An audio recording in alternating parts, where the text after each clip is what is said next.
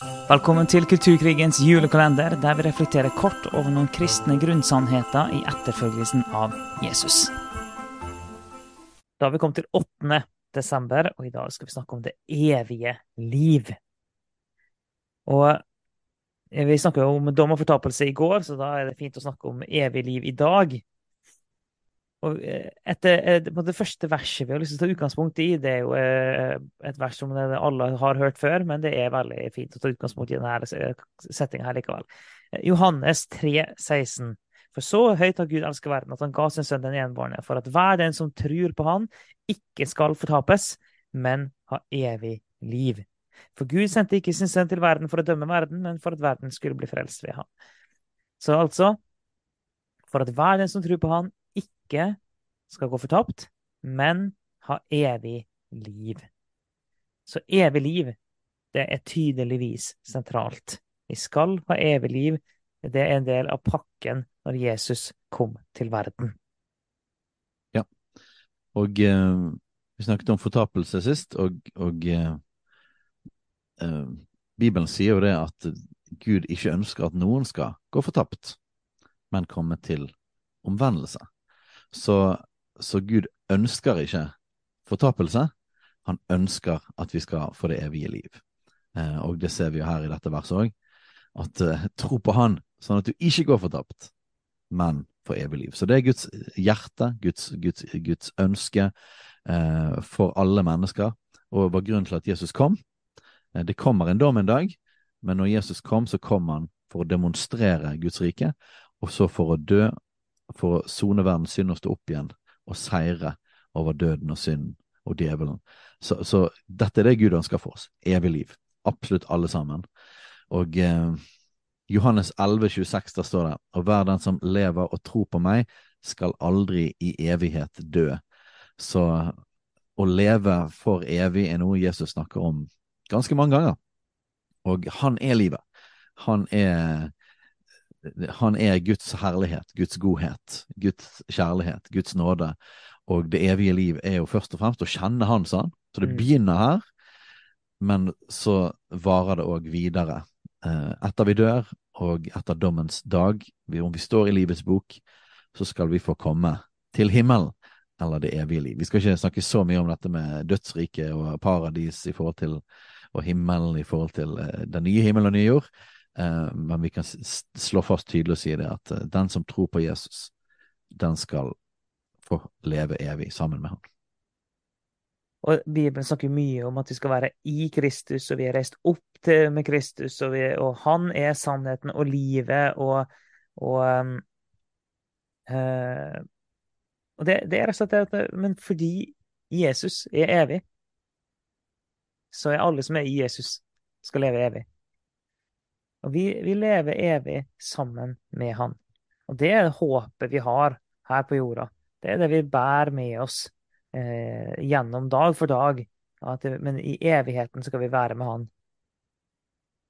I evighet. Og, så uansett hva vi går gjennom her, så har vi en evighet i vente sammen med Han. Og ofte så er det sånn at vi blir veldig sånn denne siden, er veldig fokusert på livet på denne siden av døden, kan du si. Mm. Eh, mens, mens, Bibelen er mye mer evighetsfokusert, eh, og at denne delen av livet er en liten bit av vårt egentlige liv.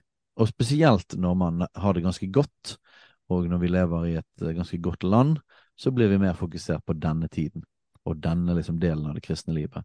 Mens ofte under forfølgelse og vanskeligheter og krig, så blir på en måte det evige liv og dommen eh, himmel og helvete, de tingene, så mye nærere og så mye mer alvorlig hva faktisk skjer når vi dør. Så en gang skal vi alle sammen stå foran Guds domstol, og, og, også, og det viktige med å snakke om både fortapelse og evig liv, er at vi lever vårt liv her og nå med tanke på den dommen som en dag kommer. Mm. At vi ikke bare lever for denne tiden, for denne dagen, og for, for den kortsiktige nytelsen av synden, men at vi lever for evigheten. Dette er en viktig, sentral kristen sannhet. Ja, og, og det òg med evighetsperspektivet, det former hvordan vi lever i dag. For at um, en kan selvfølgelig velge å prøve seg på en sånn tanke om at uh, fordi at jeg eh, blir frelst og lever evig, så kan jeg leve sånn som jeg vil her nå. Jeg trenger bare å passe på at jeg er frelst helt på slutten. Og, mitt liv her, her, på jorda har ingenting å si. Det er jo evigheten som har noe å si. Altså, det, det, det finnes noen som kan tenke litt den typen tanker. Men når en lever sammen med Jesus, Jesus får forme livet, og en kommer mer og mer i kontakt med han. En blir mer og mer lik han. Så, kommer også, så er det også sånn at evigheten kommer mer og mer til stede i nåtiden. Det, det som er der framme, blir en større og større del av det som er her og nå. Og, og vi lever her og nå mer og mer med, med sikte på det som ligger der framme.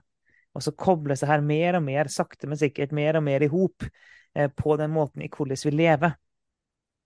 Og Eh, og det er sånn det kristne livet er ment, at det evige livet skal faktisk ha en direkte påvirkning på nåtida, på det nåværende livet. Og, og altså, eh, i, eh, i andre Peter så snakker han jo om at mens vi venter på at Guds dag skal komme, så skal vi leve sånn som vi skal leve der. Så, sånn som vi, livet er lagt opp i evigheten, sånn som vi tror at vi skal leve i evigheten, sånn er vi faktisk kalt til å leve i dag. Og Det er, sånn det er både en utfordring og det er et veldig sånn håp i at vi er kalt til å leve her og nå, sånn som vi skal leve der og da. Og Paulus sier noe veldig radikalt i Filippa-brevet. Da sitter han i fengsel, og, og eh, han eh, kan, blir kanskje henrettet, det vet han ikke. Um, og det er for så vidt i Filippa-brevet han snakker om dette med å ikke være bekymret for noe, han snakker om å glede seg alltid. Så Paulus er ganske radikal i måte, å leve fra en annen verden, en annen virkelighet. Og Så sier han òg i kapittel 1 vers 20-23 slik er det min lengsel og mitt håp at jeg ikke skal bli til skamme i noe, men at Kristus nå som alltid må bli æret ved mitt lege i, legeme i all frimodighet, enten det skjer ved liv eller død. For, for meg er å leve, det å leve Kristus og dø en vinning. Men dersom jeg, det at jeg lever i kjødet gir frukt av arbeidet mitt, da vet jeg ikke hva jeg skulle velge. Jeg kjenner meg dratt til begge sider. Jeg har lyst til å bryte opp herfra og være med Kristus, for det er så mye, mye bedre. Ja. Så, så Paulus snakker liksom om dette med evigheten så nært, da. Uh, og at, uh, at, at, han syns det er vanskelig å velge. liksom Han er dratt til begge sider i forhold til Det er bra å være her, for da kan evangeliet fortsatt forkynnes, og det er bra for de, de som er her nede, men, men, egentlig så har jeg mest lyst til å komme og være med Jesus, for det er så mye, mye bedre. Så å være med Kristus er et av begrepene på det evige liv. Og med forståelsen av at Gud skal skape en ny himmel og en ny jord som skal leve sammen i evighet, og, eh, og, den forståelsen av at det er ikke sånn at vi bare lever her på jorda, så, så går vi over til å leve i himmelen. Jeg skal ikke gå langt inn på hele den teologiske biten men poenget mitt er at eh, hvis vi tenker at vi bare lever her tilfeldig, og så eh, skal vi gå over til en, en himmel etter hvert, og så er det noe helt annet, så, så, kobler vi fra livet her med det evige livet. Men hvis vi tenker at Gud skal gjøre alt nytt, Gud skal skape en ny himmel og en ny jord, sånn at det livet vi lever her, det bare fortsetter inn i evigheten. Da får livet vi lever nå, en kobling med det evige livet. Og det blir jo det riktige perspektivet. Ja. Vi kan jo avslutte med dette fantastiske verset i Johannes' åpenbaring, kapittel 21, vers 1-5. Og jeg så en ny himmel og en ny jord, for den første himmel og den første jord var veket bort, og havet er ikke mer. Og jeg så den hellige by, det nye Jerusalem, stige ned ut av himmelen fra Gud gjort i stand som en brud som er prydet for sin brudgom. Fra troen hørte jeg en høy røst som sa, Se, Guds bolig er hos menneskene. Han skal bo hos dem, og de skal være hans folk. Og Gud selv skal være hos dem og være deres Gud.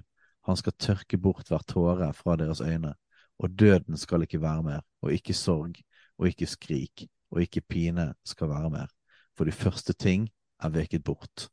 Og han som satt på tronen sa, Se, jeg gjør alle ting nye. Så står det en beskrivelse videre i Johannes åpenbaring kapittel 21 og 22 om hvordan dette ser ut. Men målet er da rett og slett for de som tror på Jesus, som står skrevet i livets bok, og blir dømt til livet, til det evige liv, at vi skal leve sammen med Han. Hans bolig skal være midt iblant oss. Og så ser vi òg det at, at Gud skal skape en ny himmel og en ny jord, og vi skal bo og leve på en ny jord med kropper. Nye legemer, står det om. Herlighetslegemer. Eh, så vi skal bo på en synd som ikke er preget av syndefallet, og ha kropper som ikke er preget av syndefallet. Og vi skal leve sammen med Gud for alltid. Og det skal ikke være smerte og ikke pine og ikke skrik i, i noen gang igjen. Og han skal trøste oss og tørke bort hvert tåre fra våre øyne. Oh man.